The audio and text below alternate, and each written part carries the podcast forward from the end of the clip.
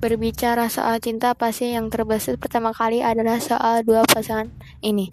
Dan kebanyakan orang akan mengartikan cinta sebagai sebuah perasaan yang muncul, seperti adanya getaran keter ketertarikan yang bersemayam bersemayam di dalam hati. Namun jika dilihat secara keseluruhan, cinta memiliki makna yang cukup plus tergantung dari sudut pandangan orang yang memaknai cinta tersebut. Sehingga cinta itu memiliki makna yang abstrak namun ada ada dan nyata.